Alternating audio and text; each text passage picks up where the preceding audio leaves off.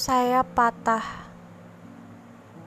Aku tersenyum miris seraya menatap dalam kepada sayap kananku yang tengah patah. Aku sedih karena tidak bisa terbang sekarang. Sembari mengamatinya lekat-lekat, aku berharap ini hanya sementara.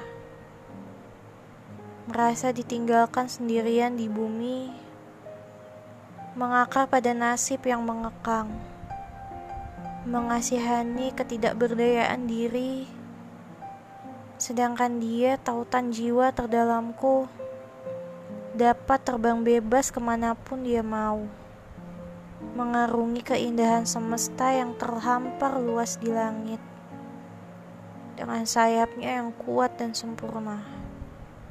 Semoga dia dapat mendengar permintaan hatiku di hari yang penuh keharuan ini, agar dia tidak melupakan aku yang masih ada di bumi dan selalu menunggu kedatanganku dengan sayap kananku yang telah pulih, agar kita dapat bersama dengan bahagia menggunakan pikiran terbuka milik kita di atas pelangi yang mengagumkan setelah hujan dan halilintar menguji kekuatan sayap kita masing-masing.